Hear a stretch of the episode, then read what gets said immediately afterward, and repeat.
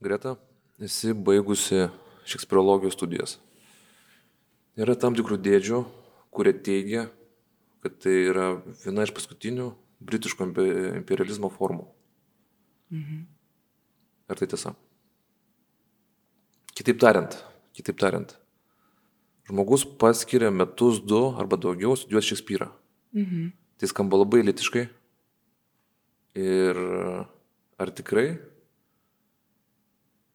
Šekspyras yra to vertas? Mhm. Ar tenais kažkokie kitokie pavadiniai dalykai slypia? Yra tikrai tas momentas, kad eina žmonės studijuoti Šekspyrą dėl to, kad tai skamba gražiai. Aš gal irgi pati buvau, iki galo nesupratau, ką pasirinkau studijuoti, kol nenuvažiavau ir į Angliją, ten, kur pabaigiau magistrantūros studijas. Ir, bet kažkuriuo momentu, studijų metu, pamačius ir atsidūrusi aplinkoje, kur vis tiek tą Šekspyrą studijuoja žmonės, dauguma žmonių, kurie jį pažįsta nuo lopšio, jo kūrinius visus, jau tada įvyksta individualus tavo tiesiog pasirinkimas, ar tu nori eiti va tuo elitizmo keliu ir tada tiesiog nešiotis tą Šekspyrą kaip tokią etiketę, parodančią, kad tu atseičia baigiai kažkokį prestižinį mokslą ir jau tada grinai dėl savo dalykų, dėl kurių tu atėjai tą daryti. Pavyzdžiui, kaip skaitimo būdą geriau suprasti ir pasigilinti į literatūrą, nes tai vis tiek magistro studijos gilinamosios studijos, kažką pasivyti, ko tu bakalauro metais gal negavai, studijuodama anglų literatūrą. Tai yra žmonių, kurie studijuoja tik dėl etiketės. Taip, tikrai taip. Ir labai lengva iš tikrųjų pasiduoti tam visam tokiam Šekspyro fenomenui, ypatingai ten, kur aš studijavau, tai yra Šekspyro gimtinė, Stratfordas prie Eivano, tai um, vieta, kur vyksta labai įdomus reikalai, kur, pavyzdžiui, per Šekspyro gimtadienį, kuris yra švenčiamas ir minimas kiekvienais metais, yra kokia paimama antrarūšė operos solistė miestelio ir ant scenos užsilipusi garsiai dainuoja su gimimo diena Šekspyrai ir iššauviamos fanfaros ir panašiai, tai tokie maskaradiniai iš vienos pusės elementai. Ir tas visas miestelis, va irgi ten padarytas toksai, kur atsitė Šekspyro gimimo, namai, kur atvažiuoja įvairūs turistai, ten braunasi į tą vidų, kur atsit gimė Šekspyras, nori pačiupinėti tą mm, lavelę, kurioje atsitis gimė, nors ten iš tikrųjų kažkoks netikras suolas pastatytas, arba perka ten tą atributiką, rankšluostukus su Šekspyro atvaizdu, bet čia yra tas grinai žmonių sukurtas toksai Šekspyro mitas. Ir labai gal, kadangi aš pati dirbau tam knyginėlėje, tai irgi turėjau tokių įdomių istorijų, kur ateina kokie amerikiečių turistai ir net sumaišo um, ar, ar prašo Šekspyro parašytos Biblijos, nesumaišo kas ką parašė, ar tai buvo Biblijoje išspausdinta, ar čia Šekspyro darbai, bet čia viskas yra tas toksai sukurtas būtent žmonių ir skirtingų kultūrų, skirtingų laikmečių sukurtas mitas apie Šekspyrą, kadangi mes apie tikrą asmenybę nelabai daug žinom, nes nėra išlikę nei jo raštų, nei originalių manuskriptų, tai tiesiog žmonėms buvo per amžius labai patogu pripildyti um, savom interpretacijom, kas buvo tas Šekspyras, susigalvoti įvairių konspiracijos teorijų. Ir tai iš vienos pusės yra dėl to laikmečio, kuriame Šekspyras figuravo. Taip pat. Kuo tai susiję? Tai visų pirma, Šekspyro spausdinimo darbų istorija. Um, mes, jinai yra labai labai komplikuota ir sudėtinga. Iš to ir kyla visos konspiracijos teorijos apie tai, ką parašė Šekspyras, ar jis toksai kaip po buvo, uh, tai Renesanso laikų Anglijoje neegzistavo autorinės teisės taip, kaip mes jas suvokiam dabar. Um, visų pirma, Šekspyras realiai mums dabar yra prieinamas per literatūrą ir per visą literatūros kritiką, bet savo laiku jisai, jam rūpėjo tik tai teatras. Jis nebuvo literatūros žmogus, kaip paspausintos literatūros ir jisai figuravo grinai teatre ir scenoje.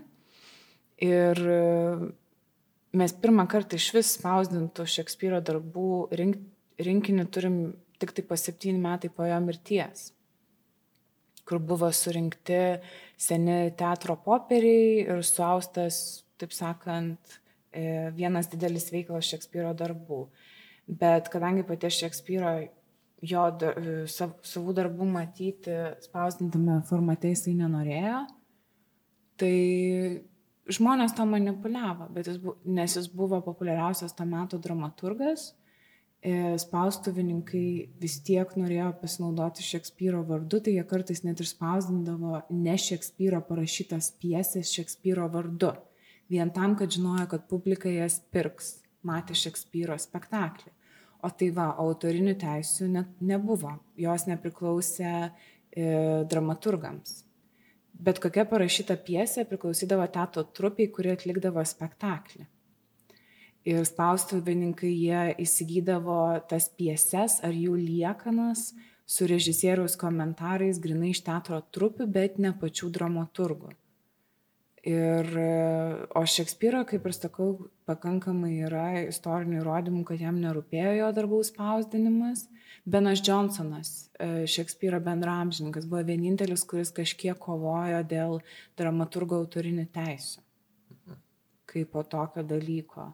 O Šekspyras jisai spausdino, e, prie ko tikrai prisidėjo, tai prie savo naratyvinių poemų spausdinimo. Ir va, mes viską galim matyti iš pirmų išspausdintų tekstų puslapių, kur yra dedikacija užsakovams. Kur užsakovai norėjo, kad būtų parašytos dvi naratyvinės poemas Šekspyras parašė Venus Anedonis and the Rape of Lucrece. Tai jos yra Henry Vriosley parašytos, jo užsakymu. Ir vat, met tai ir mums leidžia suprasti ir žinoti, kad vat, Šekspyras prisidėjo prie spausdinimo. Bet prie savo paties piesių jam nerūpėjo jas matyti spausdintame formate. O iš kur žinom, kad tas, kas yra likę, kur minėtas vadinamas folio, pirmasis leidimas. Mhm. Iš kur žinom, kad tai yra Šekspyras? O ne, vat, kaip minėjai, kažkoks spausdinimo mhm. intencionali arba nebūtinai klaida. Kaip žinoti, kad tai yra Šekspyras? Čia įdomus fenomenas iš tos pusės, kad jeigu mes norėtume priskirti, tai yra ir nėra Šekspyras nes yra Šekspyro greučiai, taip sakant, iš visų teatrinių popierių, jo istorijos, jo veikėjai, bet kalba jau yra paveikta tiek tuo metu redagavusių, bandžiusių surinkti Šekspyro darbus, tiek jau paskui sekusių kritikų, tiek modernių kritikų. Tai kaip po to tokio originalaus Šekspyro jis niekada nebuvo mums prieinamas spausdinimo formate ir niekada nebus. Šekspyras toks Šekspyras spausdinimo formate yra kolektyvinis rinkinys įvairių minčių, redaktorių, kritikų ir, ir mūsų kaip skaitytojų. Tikras Šekspyras ir liko Renesanso laikų Anglijoje ir jis buvo ant teatro scenos. Tai čia jau, taip sakant, um, nežinau, kaip būtų galima įvardyti. Tiesiog, kad jau čia pačiam kaip skaitytojui tada pasirinkti, kiek jis nori matyti ir, ir ką įvardė kaip Šekspyro originalumą. Ar tai yra kalba, ar tai yra personažai, ar tai yra sukurti naratyvai pasakojimo, ar istorija. Šiaip literologas turi kažkokius įrankius. Tik tas autentikus klausimas yra svarbus klausimas. Ten pagal sintaksę naudojama. Taip. Kažkokį tai žodyną. Mhm Aiškiai, ten tie darbai autentiškumo paieškų, kas, nu, klasikai, mhm. tą visą aparatą yra puikiai išvystę. Mhm. Jie yra atlikti. Taip. Ar dar iki šiol vat, yra kažkokių klausimų susijusių su piesėm? Ne, šiaip tai vad būtent, gal pir pirmasis atramos taškas būtent yra ta tokia kaip formalistinė, lingvistinė kūrinio analizė, bet irgi reikia suprasti, kad jinai mus limituoja iki tam tikros ribos. tą tokį skaitimą ir supratimą. Taip, tai yra kalbos dalykas, kuris dažnai labai šiaip atgraso skaitytojus, ypatingai, tarkim, jeigu tu įmi skaityti Šekspyro originalo kalbą, nes tai yra sudėtinga, Bet taip, tam yra tam tikros struktūruotės, yra ta vadinamoji e, blank ves, tas ajambinis pentametras, kurio Šekspyras rašė, iš vienos pusės perėmės iš Marlow, grinai to renesanso, e, nu, italų išradimas, bet pasiskolintas iš italų ir tada jau perdirbtas pradžiai Marlow, e, Šekspyro bendramžininko, paskui Šekspyro. Ir taip, ir pavyzdžiui, įdomus faktas yra, kad įvairūs dirbtinio intelekto įrankiai mhm. um, padeda suprasti būtent kas ką parašė.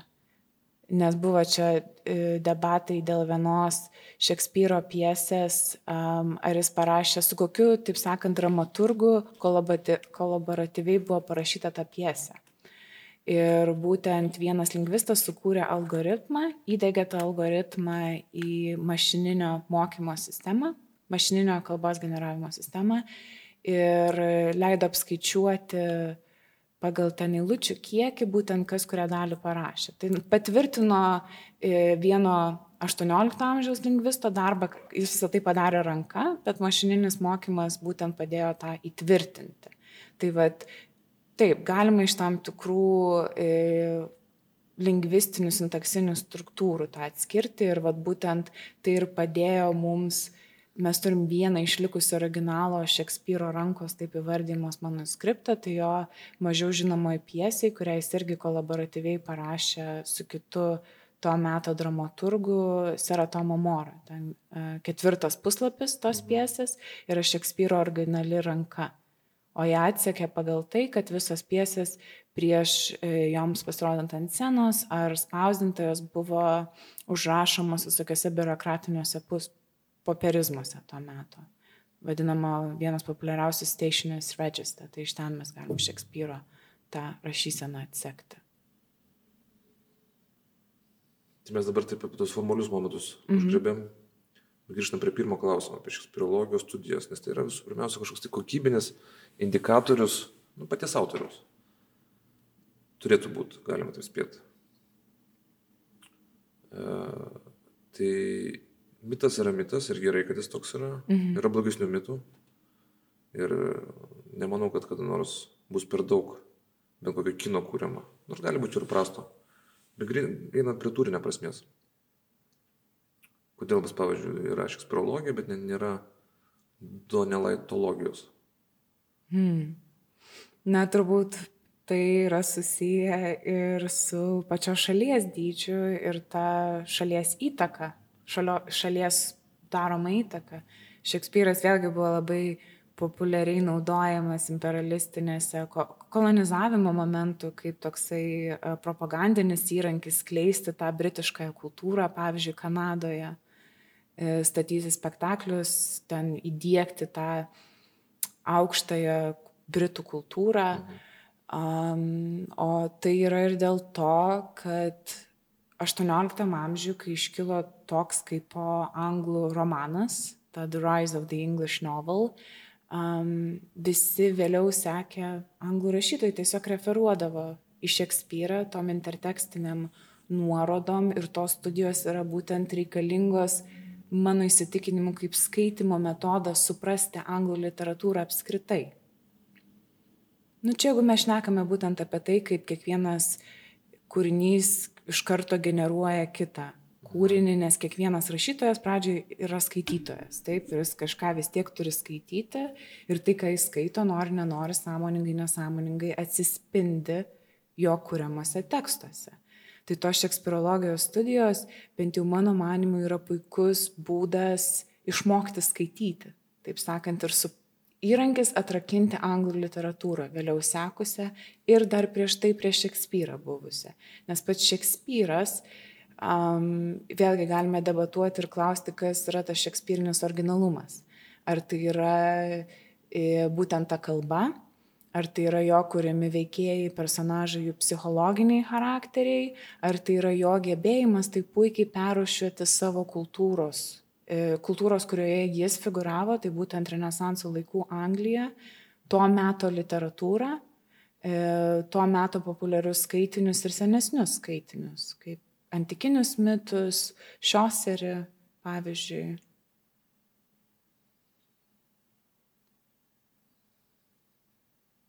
Tai tau ta bliumiška tezė apie tai, kad, nu, paprastai tariant, yra visų laikų geriausias rašytojas. Čia aš link to kažkaip bandžiu eiti.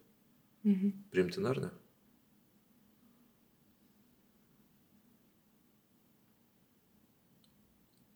Nesu apsisprendusi ties šitu.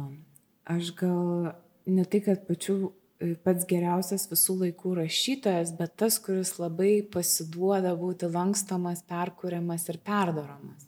Man labai įdomu būtent šekspyrinių adaptacijų momentas ir taip kaip šio laikiniai autoriai ar jau po Šekspyro tiesiog sekė autoriai perdirba Šekspyrą. Jis tiesiog yra labai universalus, būtent tuo mes galime grįžti prie to Šekspyro, kuriame mito, kad mes apie jį daug ko nežinom, tai mes visada norim sužinoti daugiau, mes norime sukurti, mes norime istorijos, dramos ir naratyvo. Tiesiog labai žmogiškas, savanaudiškas dalykas. Ir vat, būtent tų tekstų imlumas ir pasidavimas būti perkūrimams Tai e, aš ne tiek, kad pasakyčiau visų laikų geriausias rašytojas, bet kažkas gal tokio labiau gebėjimas, nu tas vis tiek jo kūrinių skaitimas ir reikšmių pabėgimas, nesibaigianti reikšmių generacija. Kad ir kiek tu skaitytum jo kūrinius, tu kiekvieną kartą rasi vis daugiau reikšmių, perskaitęs Šekspyro įkvėptus kūrinius, dar kitaip pasis, pasi, pasikeis tavo originalaus Šekspyro teksto skaitimas. Ir čia tas toksai, aš nežinau, ar tai galima taip galvoti iš tos britų romantikos, čia kažkokie priskirti kaip poeti, poezijos genijų, poetinį genijų, čia labai priklauso nuo žmogaus. Aš manau, kad ten kažkas tokio, nežinau, Lewis Haidas labai šiaip gerai išsireiškia, jis toks kaip triksteris šamanistas tas Šekspyras, kad buvo ir atvot taip pat jį pavadino, kad, nu, va tiesiog tos interpretacijos ir kažkokios reikšmės jos nuo tavęs galiausiai pabėga ir tu dėl to nori grįžti. Nes ten tiek yra to tokio dviprasmiškumo, tiek užkoduota tose kūriniuose, ir juos taip galima iš visų pusių vartyti, kad vat, būtent ta nesibaigianti reikšmių regeneracija. O čia jau nežinau, ar Šekspyras intencionaliai tą padarė, turbūt niekas negali atsakyti. Aš manau, kad ir mes kaip skaitytojai prie to prisidėjom. To geriausias pavyzdys Hamletas. Šiaip kaip piesė, tai jinai iš kalbinės pusės, iš ilgio jinai nėra tvirta piesė. Bet vat, būtent ką padarė, pavyzdžiui, psichoanalitinė visa kritika su Hamletu, tai jinai ją iškėlė ant piedestalo, o ne... Tais laikais net Hamletas nebuvo toks populiarus, kaip buvo pastatytas. Tai yra be galo ilga ir labai varginanti piesė ir net aktoriai ją nelabai nori vaidinti, nes sunkus kūrinys tiesiog dirbti, bet gal vat, būtent tos piesės genialumas ir yra tame, kokia jinai yra užtesta, kokia jinai yra varginanti. Bet aš manau, kad taip, tai vėlgi čia, nežinau, ar galim grįžti prie to, kur tai slypi, ar tai yra poetinis kažkoks genijus, kaip romantikai sakė Šekspyras, ar tai jau kiekvieno žmogaus, taip sakant, ir kultūros sukurtas e, priskirta reikšmių pusė. Bet turbūt teikti vis tiek, nu, jis yra dramaturgas Šekspyras visų pirmiausia. Pagal profesiją neklystu dar yra aktorius. Taip. Reiškia, ar būtų klaidinga tai, kad dabar Šekspyras ir labiau gyvena literatūroje. Aišku, jis yra ir teatre, ir kine, bet jisai tampa toks e, literatūrinės erdvės stiprus veikėjus. Ir čia turbūt literatai, kaip prieš tai sakėjai, jį iškėlė pridestalą. Aha, romantikai. Konkrečiai britų romantikai. E, britų romantikai, taip, būtent jį taip, e, taip sakant, atvedė į literatūrą gal labiausiai, nes poezijoje atsispindėjo ir paskui jau kiti perėmė, nu tai 18 amžiaus britų romantikai. Um, Vėlgi labai priklauso mums lietuviams, gal Šekspyras yra labiau būtent pasiekiamas per literatūrą, nes mes neturim tiesiog tokios e, teatro tradicijos stiprios susijęs su, su Šekspyru. Anglijoje tai yra toksai um, ir tas ir tas. Šekspyras yra ir literatūrinis, ir teatrinis, nes tenais jau yra susijęs su grinai teatro istorija, su angliškojo teatro istorija. Tai Šekspyras užima um,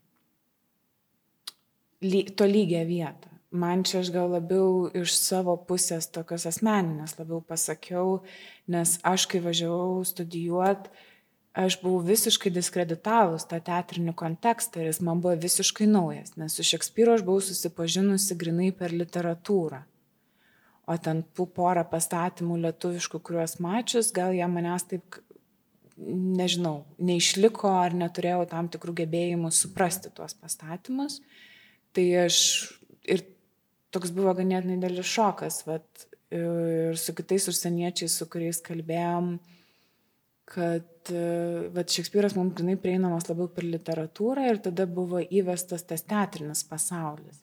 Ir tada tu pradedi suvokti, kad taip, ir teatras yra labai be nesvarbiausia Šekspyro dalis ir kad tikras, tikras, taip, taip sakant, um, laisvai vartojamas žodis. E, tikras gal Šekspyras atslypi tame teatre labiau, nes vis tiek ta drama, kuri yra parašyta, draminis tekstas jis turi būti skaitomas garsiai ir jis turi būti vaidinamas. Ir va jis prašosi net būti vaidinamas ar bent jau skaitomas garsiai.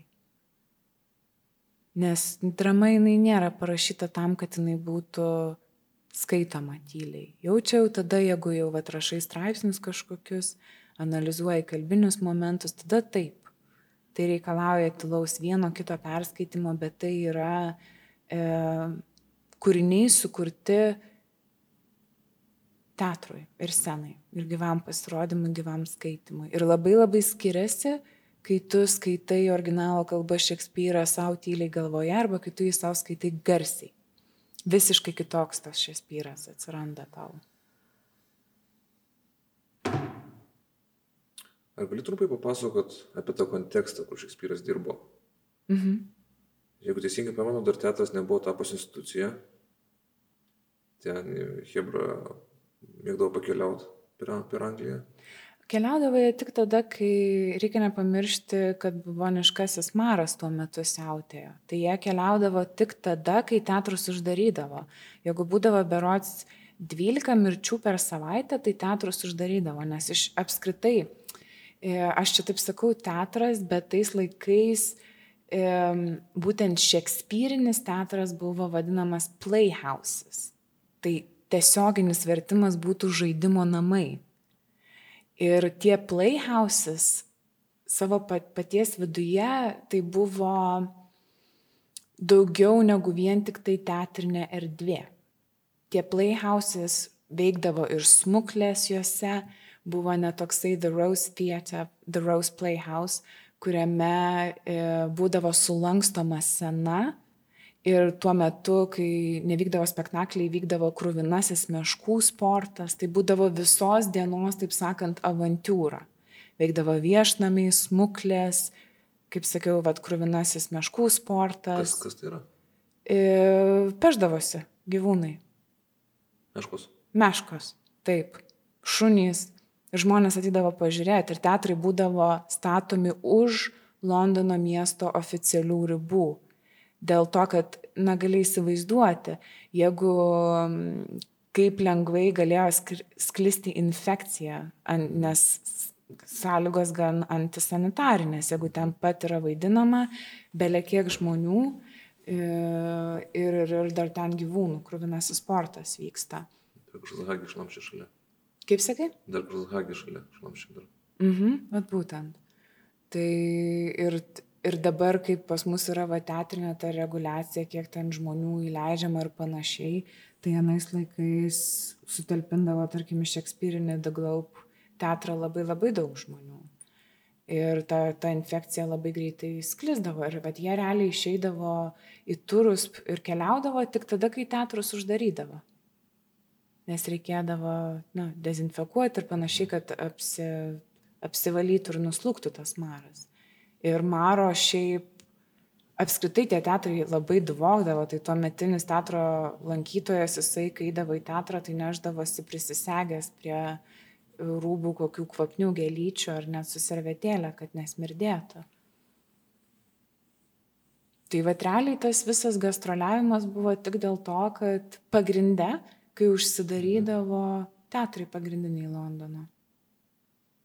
Tas teatras buvo labai toks, atrodo, skamba labai demokratinis menas toks šalia žmonių, sakykime, jau man nu, teko girdėti tokių kalbų, iš vyresnių teatralų, kad nuo sovietmečių tai teatras buvo šventė, mhm. tu pasikabini tą pačią gelutę, gelutę, gelytę po kaklu, mhm. aišku, su kita intencija ir dabar, jie, vat, nu, tas, ką visą laiką daro vyresni žmonės, piktinis jaunimo, kad jie vat, nu, nesusmokingo ateina. Mhm. Kad jie dar su kažkokius sugeba sportbačius uždėti. Ir man, man to pasakomas vaizdas, tai yra tokia labai artima kasdienybės dalis. Nei su, su šventumo jis nėra, nebuvo susijęs. Tikrai ne. Dėl to, kad reikia nepamiršti to fakto, ką gal kartais va, to, tokie modernus filmai, kaip įsimylėję Šekspyras, kur mes matome, kaip Elžbieta ateina į Glaub teatrą ir su visais savo valdiniais žiūri spektaklį, tokio nebuvo. Čia būtų siaubingiausias dalykas, didžiausia daroma istorinė klaida. Elžbieta, jinai pati dievino teatrą ir kai jinai atėjo į valdžią, jinai vat, norėjo, kad būtų implementuotos tam tikros itališkojo teatro pasimti į Angliją, nu vis tiek anglų laikų renesansas neveltui yra vadinamas.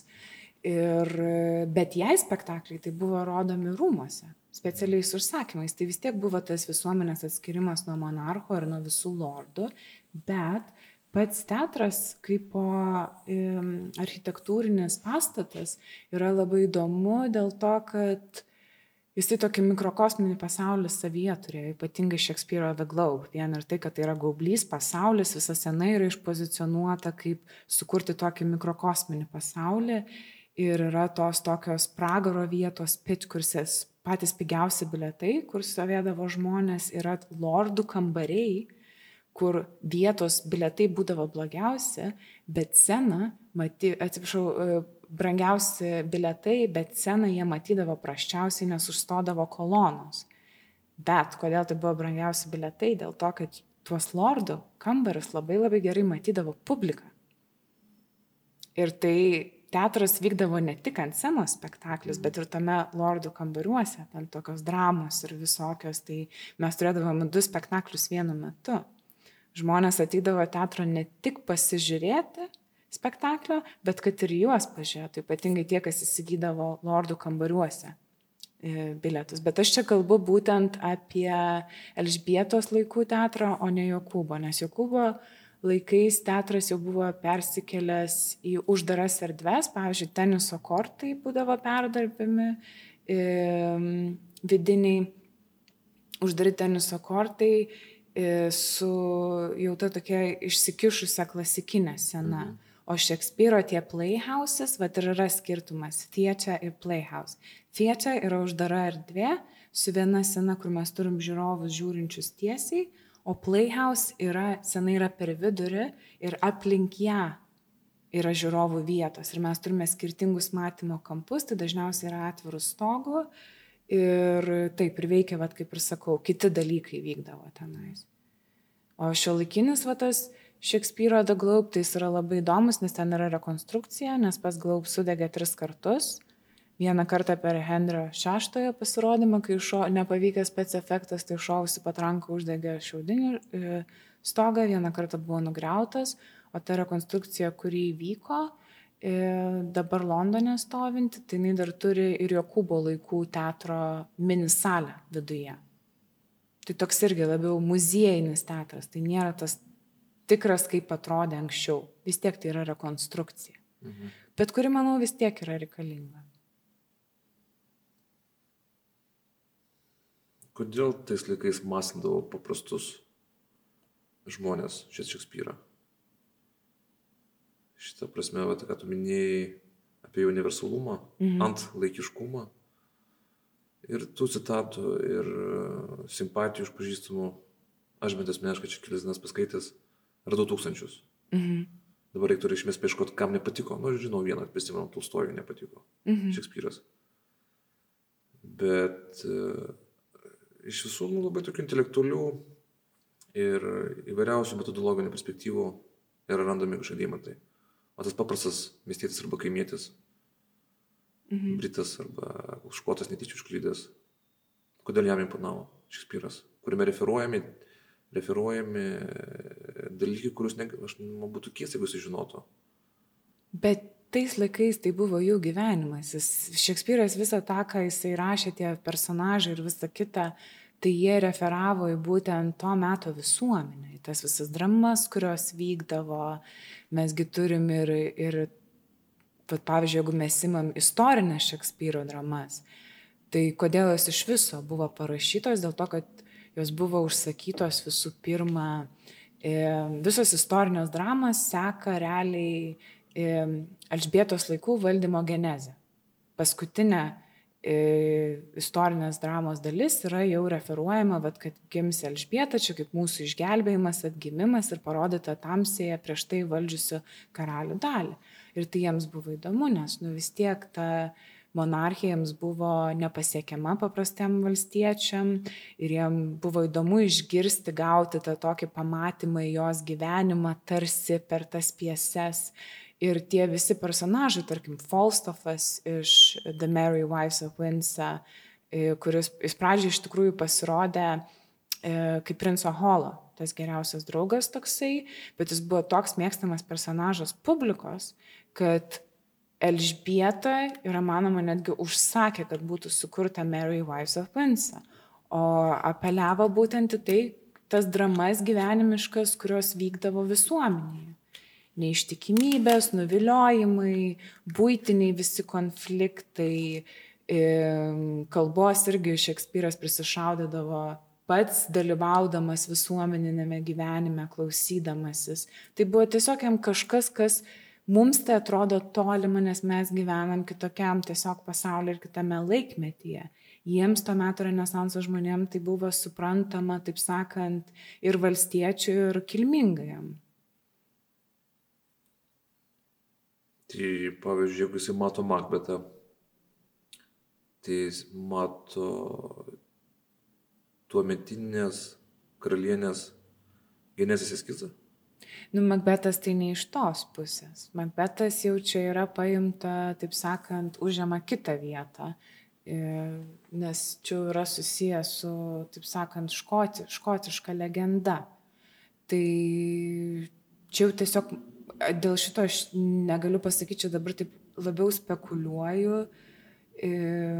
Gal reikėtų, vat, kaip pavyzdį, imti istorinės dramas labiau kad tai buvo, kadangi norėjo valstiečiai žmonės tiesiog pri, priartėti prie tų kilmingųjų, suprasti tą monarchiją, nes vis tiek jinai buvo tokia numitinė figūra.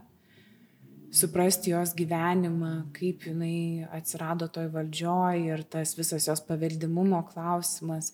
Nu tiesiog tai buvo gandai ir tai, apie ką kalbėti, paskalos visokios, tai tas, kas vyksta ir mūsų visuomenėje, apie visokius politinius pasisišnekėjimus ir panašiai. Nu, tiesiog tai va ir tai buvo galimybė jiems priartėti, suprasti jos gal kažkaip pasaulį, bent jau taip, kaip yra rašoma daugumos tų istorikų, kurie kalba būtent apie Šekspyro laikmetį. Kuo, tai, kuo jis buvo toksai populiarus. E, būtent to meto publikai. Ir aišku, tas kalbinis artumas. Ta kalba jiems buvo prieinama. Jis tik mums atrodo, dar mums kaip, ne, taip sakant, negimta kalbams anglams, nors ir jiems jinai pati yra sunki, bet vis tiek jinai jau yra dabar standardizuota ar modernizuota visų šio laikinių redaktorių. Tai ta kalba jinai nebėra tokia kokia jinai buvo Šekspyro laikais ir netgi tas šekspyrinis tekstas originalus irgi galima kvestionuoti, kiek jis yra išlikę. Jeigu mes kalbame, grįžtame prie to, kad Šekspyro nedomino jo piesių išleidimas, mhm.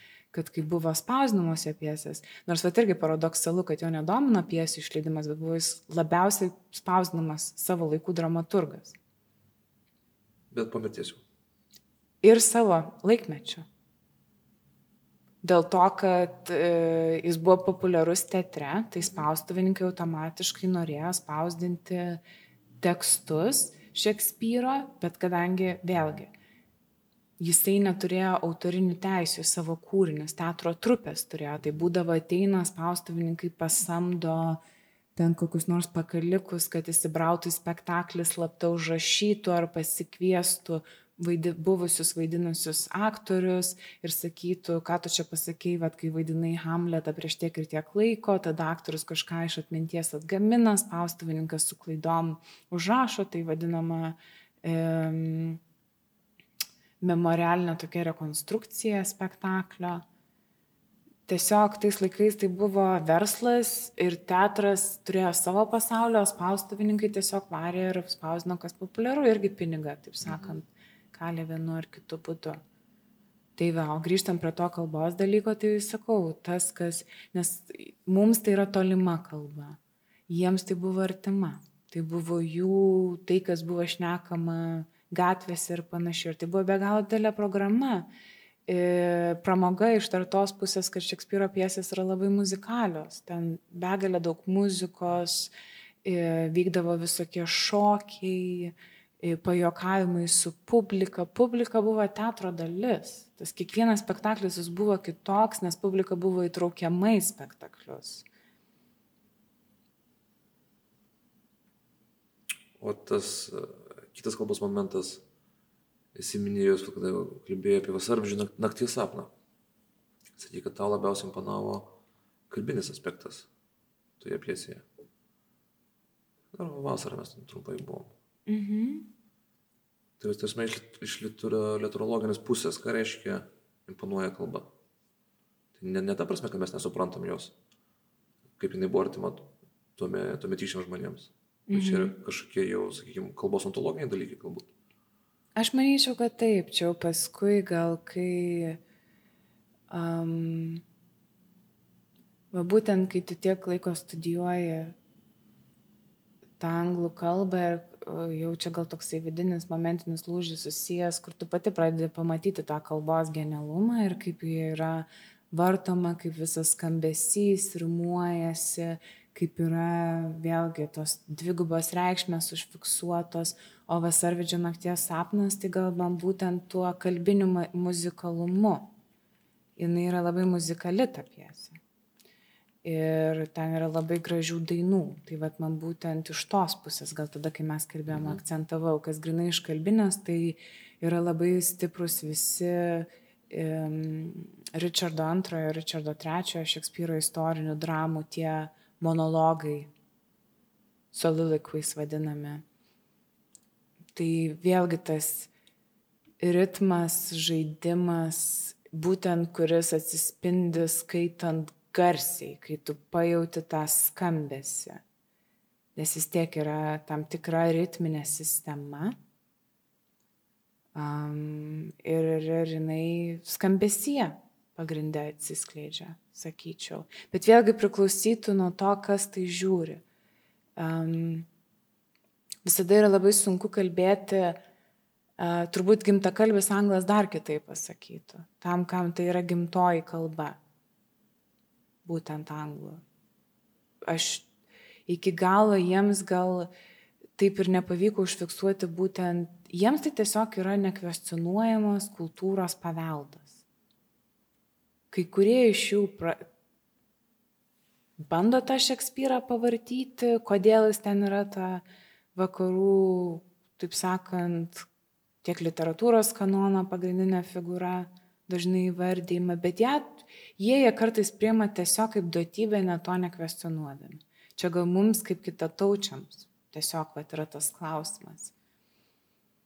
Daugiau. Nežinau, gal ir klystu. Bet anglai tiesiog jį priema kaip va, Šekspyras yra mūsų kultūros dalis ir viskas. Mhm. Klausimas yra, kaip reikia skaityti Šekspyrą. Dėl to, kad man asmeniškai, mhm. Tai, kad tu pasakai ir ką daug protingų tėtų ir dėdžių yra sakę, neįvyko. O aš pasakysiu, va taip, jeigu šiaip iš tikrųjų, mano įsitikinimu, labai geras būdas pradėti skaityti Šekspyrą yra pradėti nuo kito galo, pradėti nuo visokių Šekspyrinio adaptacijų. Tiek literatūroje, nes tiesą sakant, jau parašyta adaptacija, taip jinai pakeistų mūsų požiūrį į originalą, bet net ir tie patys filmai gali būti prieiga Šekspyro adaptacijos į originalų kūrinį. Taip sakant, padėti mus įvesti, suteikti kažkokį kontekstą, tam tikrą pasitikėjimą, kalbinį pasitikėjimą savimi, kad ta kalba būtų labiau įveikiama.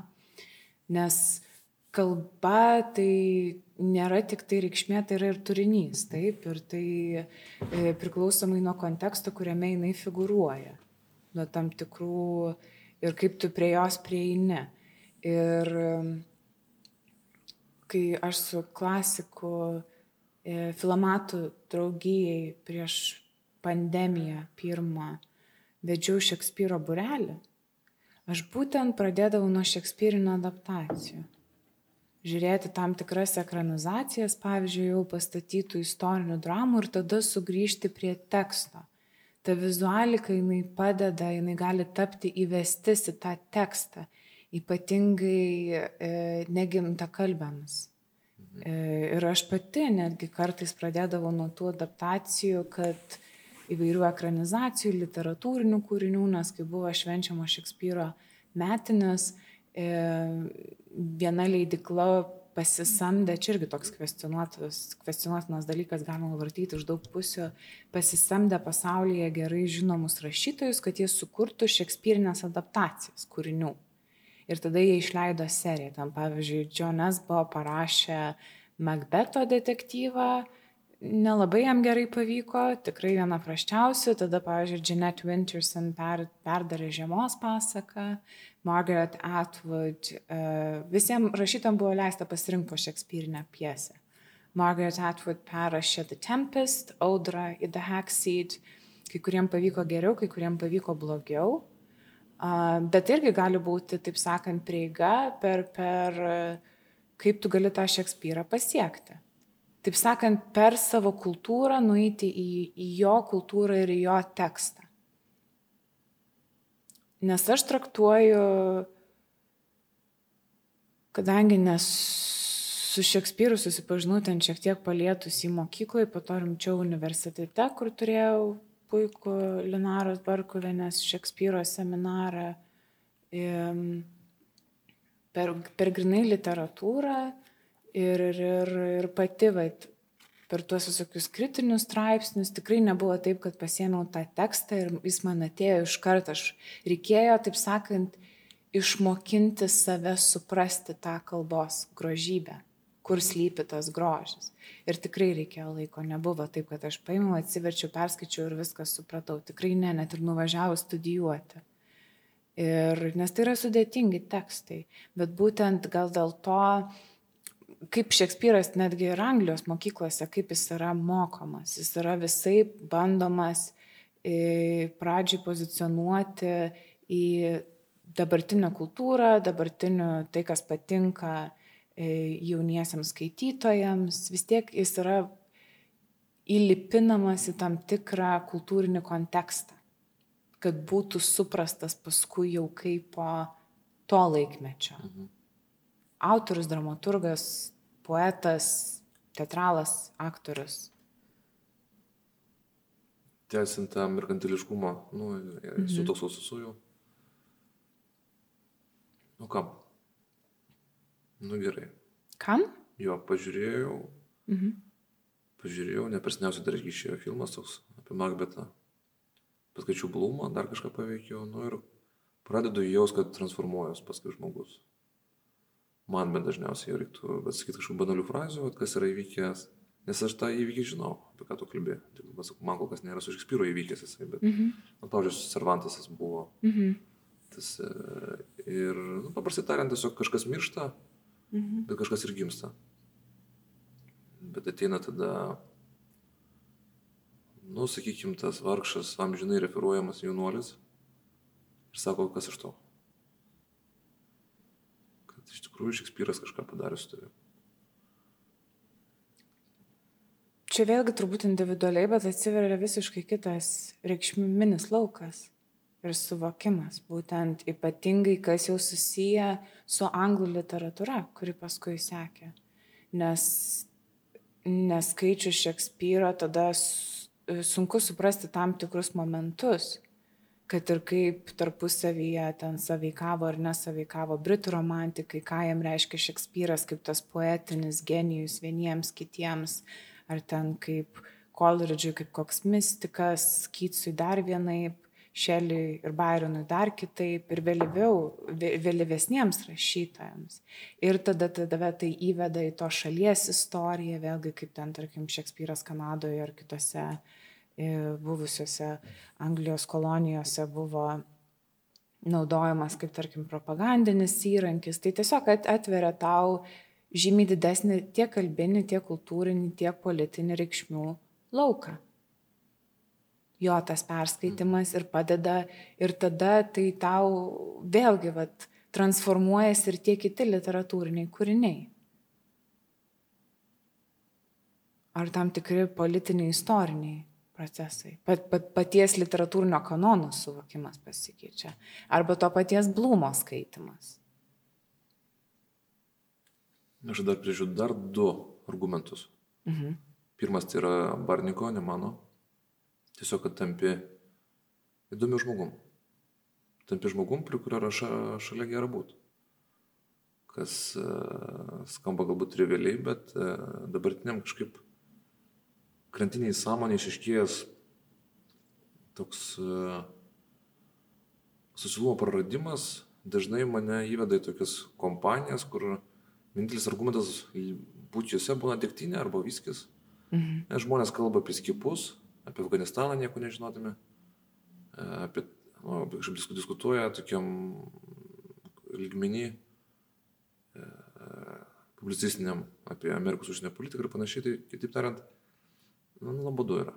Mhm. Tai man žmogus, kuris sugeba kažką kalbėti jau pirmiausia su aistra, kad ir kas kišiausia būtų. Mhm. Meistas Ekratas, Mhm. Neoplatonikas, koks nors Jambikas. Mhm. Jau tada kažkas buvo čia yra, kad kažkas ko nežinau, man asmeniškai tai yra įdomu. Tai čia yra barniko argumentas. Ir jis, jis mane įtikina ir geras, nu, kad tu esi, tiesiog, tam didesnė tikimybė, kad bus žmogus, prie kurio yra įdomu ir gera šalia būti. Mhm. Ir tai nėra trivialu, tai yra labai svarbu. Mhm. Ką aš pridėčiau nuo savęs, kad tu kartu tam per stipresnis. Nepaisant to, kad galbūt niekas ne, gal netikima kartais, kažkam tapatumo tarp intelektualumo ir jėgos. Bet e, aš tiesiog man, manau, kad e, žinojimas yra ne tik tai gale, bet kartu ir yra laisvė. Ir jeigu tu neturėsi savo žinojimo sukonstruoto, tai tu būsi kitų sukonstruoto žinojimo manipuliuojamas. Ir bet kokio tipo žinojimas jisai daro tave laisvesniu. Taip, Ypatingai, aš pritariu dėl antro ypatingai punkto, dėl to, kad kaip pati esu mokytoja, man asmeniškai vat, būtent tas žinojimas, e, kaip pradedančioji mokytoja, gal taip įvardykime, gal specialybę, kadangi nesu pedagogė, tai suteikia to tokio savotiško pasitikėjimo, kad kai tu eisi ir šnekėsi tam tikrus dalykus apie e, literatūrą, literatūrinius kūrinius, kad tai kad vat, galėsi, jeigu ką atsiremti į tą Šekspyrą, kaip įtikinama. Čia irgi, irgi galima pavartyti, bet iš, iš e, skirtingų pusių, bet taip, man tai ir šiaip gal net daugumai yra, vat, kaip įrankis tiesiog geriau, vienas iš skaitimo metodikų, metodų. Jeigu mes, tarkim, pasirenkam kūrinį, nežinau, ten per uh, marksistinę kritiką skaityti, psichoanalizę, feministinę, nežinau. Tai irgi gali paimti ir tą kūrinį skaityti per ten, pavyzdžiui, šekspyrinį intertekstualumą. Tiesiog tai vienas yra iš skaitimo metodų.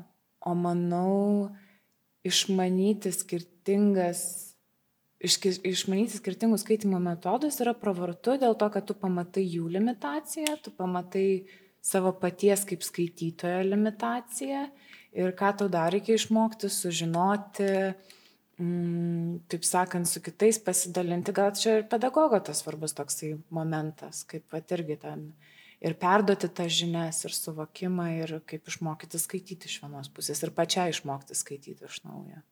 Tai... Nes skaitimas nėra tik, e, nu, nedėčiau lygybės ženklą, bet labai netoli to, kad tai yra supratimas. Taip. Skaitimas vyksta, kada supranti tekstą. Tai dabar manyti, kad žmogus, kuris tiesiog plaukioja savim pasitikėdamas po šekspyriškus vandenius ir bus visiškai žaras kokiam nors, nu, dabartinė populiariai srityje, ten IT ir dar kažkas, nu, tai yra klaidingas manimas. Supratimas, visų pirmiausia, yra supratimas kaip toks. Ir po to, kaip jis jo įdotis reiškia. Tai šis klausimas skirtingas. Bet aš manau, kad tai nėra nesusiję dalykai. Kad ir kaip kartais atrodo tolimi kažkokie. Mhm. Ir tai pragmatiški žmonių tikslai. Mm, bet aš manau, kad kartais tai yra arčiau, negu žmonės galvoja. Mhm. Nu, čia man kaip ar, teko, teko šiek tiek su filosofija padirbti, tai tas, tu turi tą klausimą, savo atsakytą klausimą kas po to. Tai aišku, filosofai žino šitą atsakymą - mirtis. Bet tas tarpas toks iki jos, kur aišku žmonės tą ir klausia, tai, nu, tai, tai tampa kiekvieno egzistencinių klausimų. Tu mm -hmm. kažkiek su to susiduri, aš manau, kad su šekspirologai tą patį momentą irgi turi savo. Ar ne tai, kad turi, bet nu, automatiškai jisai tiesiog iš aplinkos ateina labai dažnai klausimas. Tikrai, bet būtent, ir kas iš to, kad tu ten perskaityte visą šekspyrinį kanoną, tai ką dabar su tuo daryti? Vis tiek norisi to tokio praktinio pritaikymo, svarbu matyti tą iš mhm. vienos pusės. Ir tai va per mokymo metodus, per tą atvedimą gal kitiem bandymą suvokti, kokią jis vat, poziciją užima Šekspyras šiais laikais, ar tai turi kažkokią, e, kažkokį praktinį pritaikymą Lietuvai, apskritai kalb, anglų kalbos, tarkim, mokymis, mokyme visame Ir irgi būtent kaip skaitimo tas tasai metodas, kalbos išmokimas irgi. Viena iš įvesčių į kalbą, į tą kalbinį lauką. Ir tą tokį tikrai kalbos išmokimą, o ne imitaciją kalbos mokėjimo.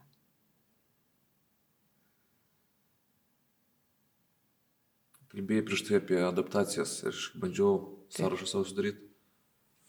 Čia gal kita tema apie fundamentalų pjesių nepritokomumą kinui. Bet e, kaip tu mane paneigtum?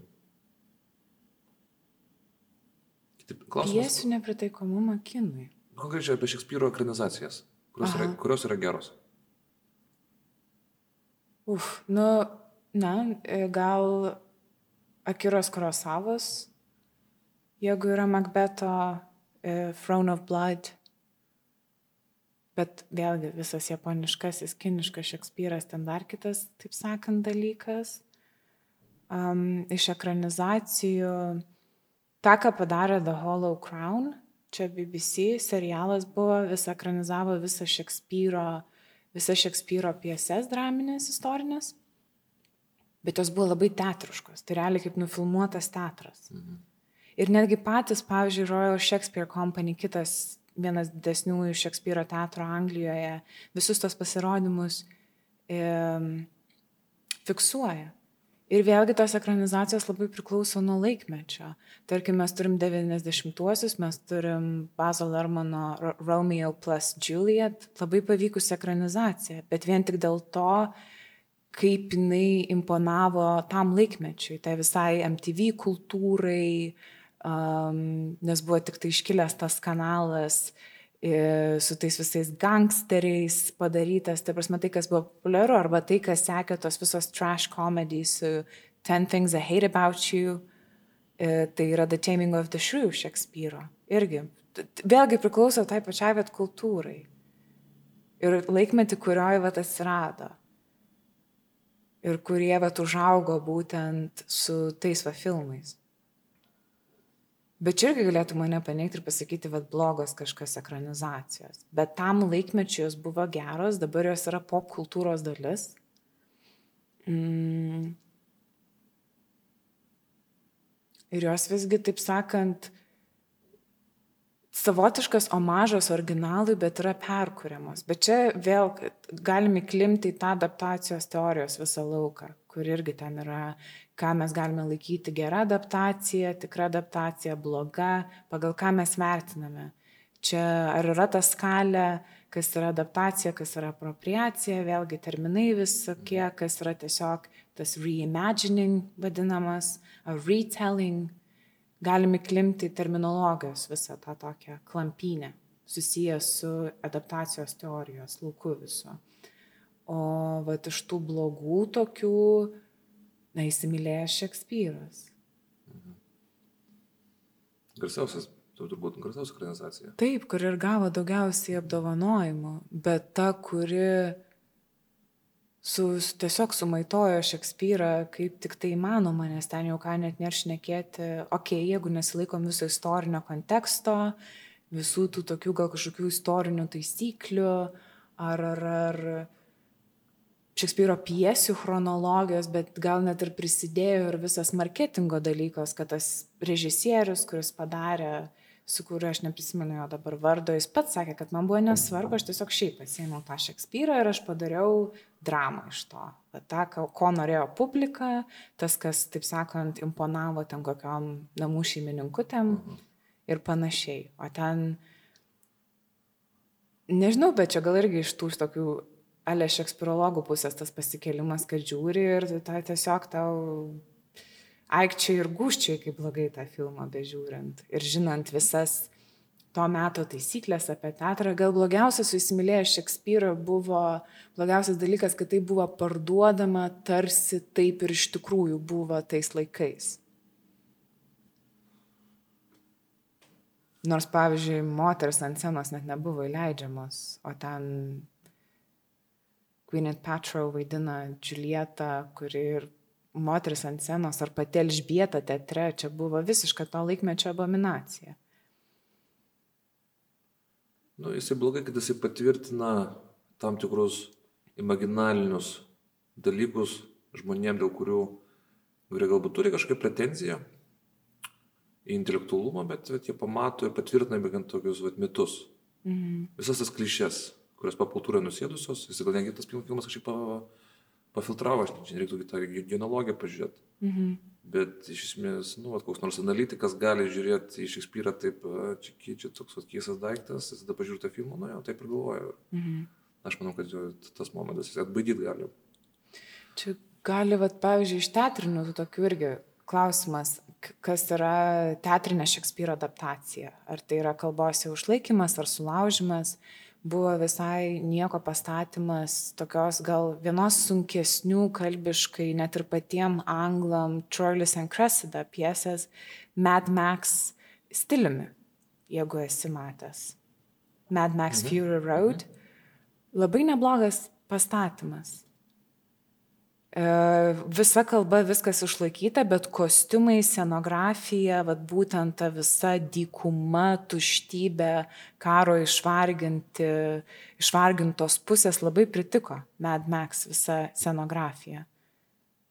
Tie motociklai ir panašiai toks ir tą tokį gerą įspūdį sukūrė ir va, traukė žmonės, bet vėlgi tai buvo popkultūros elementas, kaip pritraukti žmonės į teatrą, kad jie patys žiūrėtų Šekspyrą ir jiems jisai būtų įdomus. Nes kine gaunasi, kad e, geri pastatymai, tiek literatūros, tiek piesės yra tie, kurie sugeba atsiriboti nuo originalo, kurie sugeba rasti viziją nepažodinę prasme. Tarkovskis, pavyzdžiui, šitas pavyzdys yra, dėl ko aš prieš tai minėjau, kad kinas kažkaip fundamentaliai Nors taip yra persikėjimas. Kinas yra persikėjimas iki šiol teatro. Mhm. Pati pirmoji knyga skirta kino refleksijai, tokie teoretiniai. Tokio vokiečio psichologo Hugo Munsterbergo, net negi vadinasi šviesos piesė, fotoplay. Mhm. Tai va šitas užkratas jisai iki šiol. Dabar aš galvoju, gal kažkaip grinėja, aš to grinumo paieško, čia mane puslaptūros apkaltintų nesąmonėm, bet teatras, jisai, nu, kinas dar labai jaunas yra. mano Taip. supratimo. Ir čia kažkas yra simptomatiško ir konceptualaus, kad Šekspyras sunkiai yra ekranizuojamas. Niekada nesupratau, nu, lietuvių, mm. lietuviškam kontekste, tai bent yra Kuznecovo tokius du filmai sovietiniai, Grigorijaus. Mhm. Tengi lietuvių menininkai yra prisidėję prie jo. Mhm. Abu du pirmajam Hamlete dirbo Jonas Gricius, operatorius padėjėjų, o antrąjį netgi filmavo. Ir antrajam karalium, karalius Lyras Tas, 20 metais. ne, sakai, negera ekranizacija. Man atrodo, kad ne. Man atrodo, kad... e, Nes aš karalių lyrą aš mačiau. Ta rusiška? Aha, Su lietuvių aktoriais. taip. Patiko. Čia tas klausimas patiko ar nepatiko, jis toks irgi va ištemtas, bet įdomiai buvo padaryta vis tiek. Aš dar vėlgi gal man e, Šekspyro vertimai rusų kalbą labai gražus yra. Tai man buvo įdomu, aš rusiškai pati, nepasakyčiau, kad labai gerai esu tą kalbą įvaldžiusi, bet man buvo labai gražu klausyti. Ir kažkiek, vat, išsilaiko tas kalbinis grožis, mano įsitikinimu. Tai aš gal labiau į kalbą koncentravausi, žiūrėdama karalių lyrą, iš tavo minėtų pastatymų. Man kažkaip pabūtų, arčiausiai stovi akise. Ir tiesiog matau, kad čia yra kažkas tokio. Tai nereiškia, kad negalima, negalima sukurti gero kino. Ir galima sukurti. Ir, ir, ir, ir aš konkrečiai nemačiau to referavai Kurosavą, bet reikės būtinai pažiūrėti. Mhm. Bet čia, aišku, tokia prielaida yra, nežinau, noriu šitą temą eskaluoti, kad yra kažkokia tai medijos specifiškumas. Kad va, teatras kaip medija, literatūra ar kinas turi kažkokią specifiškumą savo, nuo kurio tam tikri kūriniai gali jį labiau valdyti arba ne. Mhm. Nu, čia koks nors grindėjus šitas, čia jo, jo tokia arkliukas. Taip. Čia, aišku, reiktų padiskutuoti, kiek tas specifiškumas yra, nes mm, mane visą laiką apskritai kultūriniai dalykai masina labiausiai dėl to, kad jie atspindi žmogus mąstymą. Mažai kas yra įdomiau negu kito žmogaus mąstymas. Jis jį gali įvairias formas įgauti. Tai čia gal šitos diskusijos, bet Bet irgi taip, taip įdomus momentas, tava, ką mes gaunam teatre, ką literatūroje, tarkim, personažo atveju, sąmonės, nes vis tiek, jeigu mes žiūrime literatūrą kaip tas kažkokia labai aiški personažo charakterizacija, mes pamatom sąmonę, kur tai, per ką tai yra pertikima kine arba teatre. Mm, Teatras vis tiek tai yra kūniškas dalykas, tu gyvai tą, tai gali sakyti, kad tada kūnas, vis tiek aktorius pagrindinis įrankis yra kūnas. Ir kalba yra to dalis kūno. O kine, va vėlgi kalbant apie knygų ekranizacijas, kai mes turim porą, tarkim, segmentų, ne vieną išleidimą, tai va galima pastebėti, kaip ten, jeigu yra kažkokios knygos ekranizacija, tai pirma dalis visada būna tokia ekspozicija, nes tu turi įvesti į tą pasaulį knygos, supažindinti tai, kas yra labai lėto, kas dažnai ne knygo, knygos nežinantiems konteksto knygos, tai yra neįdomu ir nesuprantama. Tada, kaip taip sakant, e, režisieriui prisitaikyti ir prie tų, ir prie tų, ir jis turi pasirinkti, į kurią žiūri pusę, ar į knygos fanus, Mhm. ar, ar, ar į bendrąją auditoriją. Tai čia bet bet irgi, aš manau, tai susijęs su tiesiog skirtingais, skirtingomis medijų talpomis, taip sakant, ir ką ta kaip forma suteikia ir ką mes prarandam. tai kuo režisierius labiau nebijo manipuliuoti originaliu kūriniu. Netaisyklė, bet dažniausiai tikėtina bus geresnis kūrinys. Taip, ir bet ta manipulacija režisieriaus dar irgi pasirodo per šiaip. Tada labai gali pamatyti, ar ta manipulacija yra gudriai padaryta ar ne. Per tą jau tada, kas teatre būtų įvardama, tą dramaturginį darbą, kai tu surenki informaciją, kas iki to buvo padaryta, ar tai matosi, ar Labai išmano labai ar ne. Nebūtina parodyti to išmanimo.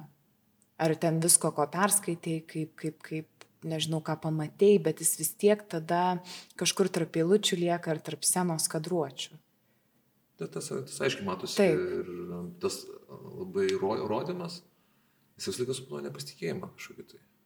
Nu, arba jis gali būti toks išžūlus referavimas, mhm. taisyklių laužimas, bet, sakykime, tie, aš tiesiog nesuprantu šitų inuendos visų dalykų, mm. kur ypatingai komiksų fanai nuo to kaifuoja. Mhm. Tai jisai, nu, jis metu.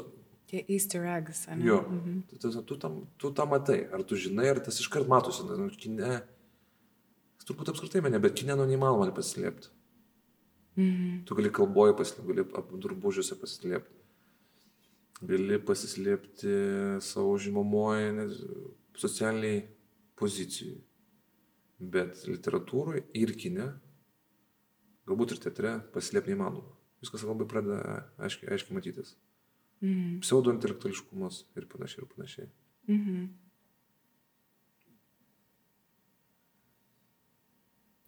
Šekspyras ir Lietuva. Kokia situacija? Pirmas klausimas - vertimai. Geri? Reikėtų atnaujinti. Nes vis tiek mes žinom, kad Hurginas, ta prasme, um, vertė labiau Šekspyrą iš rusų kalbos į lietuvių. Tai, bet čia yra, uf, čia jau kita ta teritorija vertimų ir sunkumas ir subtilybės, vėlgi tada kaip pernešti į tą lietuvišką kontekstą, kad tai būtų suprantama mums, ką paukoti, ką išlaikyti. Um, tai būtų labai be galo daug pastangų reikalaujantis darbas. Bet tik klausimas, va, ar tai verta daryti. Aš visada manau, kad verta. Bet tada reikėtų tiems, kas tuo darbu apsimtų, reikėtų kažkaip atsidėkoti už tai įvedant tada labiau gal Šekspyrą į literatūros programą, nes kad atnaujintuos vertimus tai būtų be galo sudėtingas darbas. Tai kažkokią duoklę reikėtų suteikti ir vertėjom, ir redaktoriam, kurie eitų ir, ir, ir tada jau, kad įprasminti tuos kūrinius ir jų vertimus, um, sukuriant jam naują poziciją Lietuvoje. Aš tai siūlyčiau visus uh, paminklus, kuriuos mes nežinom, ką daryti. Lukiškio aikštė, Žalį tiltą, Šekspyro personažai ir pats Šekspyras. Mm. Tai reiškia, aikštė mes padarom pačią Šekspyro, tada ant Žalio tilto Šekspyro domesni personažai, Macbetas arba Falstafas irgi. Tada vietoj cirkos. Lady Macbeth. O, ta, jo, ta, ta. Vat ten tai puikus portretas Matės. Man labai patiko. Na, čia tikrai būtų turistinė atrakcija. Ne, nu ne tik tiesiog. Taip, taip. Nu, reikia baigti žaidimus rekonstrukcijos. Jeigu deklaruojame pastovi grįžimą į vakarų pasaulį, tasa tarpukario ir panašiai ir panašiai, nu, tai mhm. man atrodo, visi liktų patenkinti. Mhm. Ir baigta. Mes turime ir, ir šitą, šitą prasme, ne turistam, aš nežinau, ši, būtų kaž, kažkoks geras, geras psichikos judėjimo ženklas. Mhm. Kažkaip atsitiktinai gavom, turim Franko Zapos, niekas nežino, kaip čia jis atsirado, ten kažkokios istorijos apie tai, kaip Hebra susiginčijo mhm. ir padarė. Jo, Franko mhm. Zapos paminklą, man tas jisai patinka. Mhm. Tai siūlyčiau tiesiog taip uh, trumpą totalitarizmą Šekspyro įvesti, vis vien Šekspyro tematikos atulus ir klaus, klausimus užmiršti. Bet grįžtam prie to Hamleto. Tai reiškia, Kurgino vertimas geresnis negu Nikalio Niliūnos. Intuityviai prastai kalbant, tavo asmeniškai? Mm. Niekad jau taip nesusėdus ir nevertinau, nes vis tiek aš kažkaip iki vertimų dar iki galo, man atrodo, aš mokykloje tai Nikaniliūno skaičiau. Mhm. Ir tas tokia knygelė buvo labiau skirta. Taip. Kokiam reikmėm. Bet vat reikėtų sugrįžti. Aš gal prisipažinsiu, aš prisibijau prie tų vertimų eit. Gal pati kaip verčianti, irgi tik tai verčianti iš lietuvių į anglų kalbą. Mm. Čia gal koks tiesiog sąmonės kvailas blokas, kurį reikėtų įveikti ir pabandyti paskaityti ir prisėsti. Nes ne, negaliu, nežinau, neturiu, taip sakant, kompetencijos pakankamai dabar atsakyti, kuris vertimas geresnis, nes e, neverčiu lietuvių kalbą. Tai gal negalėčiau pasakyti, kad taip pasitikiu savo žiniomis, kad galėčiau įvertinti tą vertimą. Bet kokiu atveju man atrodo, kad ir koks atliktas vertimas, vertėjo darbas yra beprotiškai sunkus, ypatingai verčiant, šiaip tai viską verčiant. Nesvarbu, ar tai yra a, draminis kūrinys, ar tai yra filosofinis straipsnis, ar tai yra grožinė literatūra. Um, ir čia jau galima tiesiog kvestionuoti apie paties vertėjo rolę, ką jis paima, ką jis sukuria savo, ar tai yra antras autoriaus balsas, ar tiesiog ne, nematoma figūra. Tai aš manau, tai vis tiek yra gerbtina, kad tie vertimai bent jau kažkokie buvo ir džiugina. O čia jau vat, palikti, taip sakant, nežinau, gal atidaryta for the time being šitą klausimą. Bet jeigu yra pasirinkimas skaityti originalą ir vertimą, vis tiek siūlytum originalą skaityti.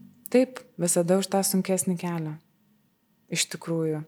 Jeigu tai gal kažkam būtų įėjimas būtent per lietuvišką vertimą prie originalo, bet tada siūlyčiau pradėti vat, būtent tų nuo tų adaptacijų, gal mane tikrai išplaktų rykštėm už tokį pasakymą, bet jau tada pradėti nuo įvairių adaptacijų literatūrinių um, ar ten ekranizacijų pasidomėjusiais, ar net teatro spektaklį pabandyti pažiūrėti ir tada sugrįžti prie teksto.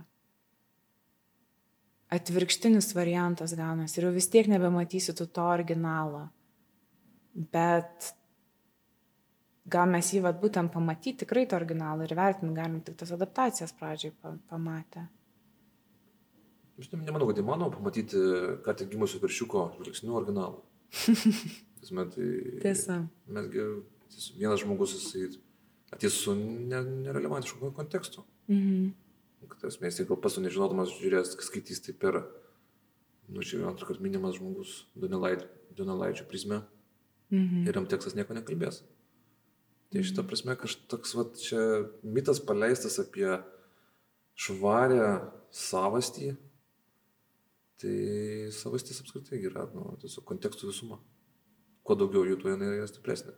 Taip, ir vėlgi tie patys modernus Šekspyro kūrinių leidimai, jie skiriasi, ar tai būtų Oksfordo ar Ardeno, e, nes redaktoriai kiti su kitom kalbiniam subtilybėm ir va irgi būtent tos išnašos, ar nori daug išnašų ar nedaug, ar nori tą gryną tekstą skaityti. Čia turbūt tas prieimas prie Šekspyro reikalaujantis šiokio tokio pasiruošimo pirminio su keliais suklydimais, kurie gal irgi turi būti besiruošiant, pamatant, kad šitas neveikia, bet to tokio gal nepasidavimo, numetant, kad viskas aš čia jo nesuprasiu. Tai va.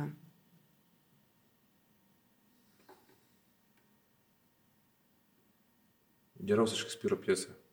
Uf, iš kiekvieno, na, žanrų sistema buvo iš, įvesta vėlgi su kritika, bet taip sakant, iš kiekvieno žanro turiu po kelias. Kokie ir kodėl? Um, iš istorinių dramų Richardas II ir Richardas III. Vėlgi kuriami um,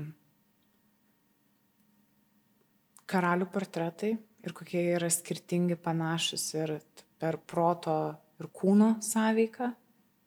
Karališkojo kūno, politinio kūno, žmogiškojo kūno. Geriausiai man tą konfliktą įvardyjantis abu ir parodantis skirtingą. Mm, iš tragedijų turbūt karalius lyras, pastoralinių visas man patinka, taip sakant, ir turi tiek Simbelin, tiek The Winter's Tale, um, tiek The Tempest iš graikų romėnų tai Korolainis, Korolianas, Antonis ir Kleopatra. Tai va ateina ir tas prasideda vardymas beveik visų piesių, taip sakant. O iš komedijų turbūt um, būtų As You Like It, kaip jums patinka, kur ten verčia taip įdomiai.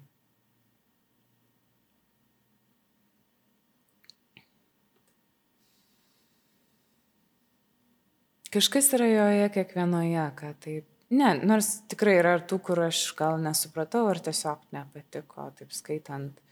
Bet man turbūt vis tiek tas skaitimas jisai yra kitoks ir, ir jeigu analizuojant um, iš būtent tos charakterizacijos, kalbos, veikėjų, um, kaip yra žaidžiama su kalba, va tos įdomiausia. O blogiausia? The Merry Wives of Windsor. Man tokia apie nieką, bet man patiko, nes aš tenais tada radau, iš kur Kycas paėmė savo vienam iš eilėraščių pabaigą, realiai. Tai vad buvo čia toks mini gal toksai laimėjimas, o pamačiau, supratau. Tai va, bet gal irgi taip vad. Bet ir yra tas dalykas, kad kažkaip kiek, iš kiekvienos iš jų kaip skaitytojas, kad vis tiek neįmanoma taip šimtų procentų objektyviai jų skaityti. Kažkoks subjektivumas figuruoja vienu ar kitų lygmenių, nesvarbu, ar tai skaito filologas, ar tiesiog šiaip bet kas, informatikas, um, tą kūrinį. Išskyrus tai Blumas. Iš, išskyrus Blumas, ten, kur turbūt pasistatęs Šekspyro statulėlę. Mm. Net. Sakant, jo. Um, tai va. Tai taip, kiekvienas, nu, ne veltui Garber yra pasakęs, kad kiekvienas amžius sukuria savo Šekspyrą ir kiekvienas iš jo pasiema tą, ką nori, taip sakant. Nes tiesiog labai patogu į neegzistuojančią realią asmenybę, ją, taip sakant, aprengti tais rūbais, kuriais nori. Ar tai būtų kalbiniai, tam tikri kritiniai kažkokie kritikų mokyklos, filosofiniai skaitimo būdai. Tai va. Greta, ačiū tau už pokalbį. Ačiū labai, Edgarai.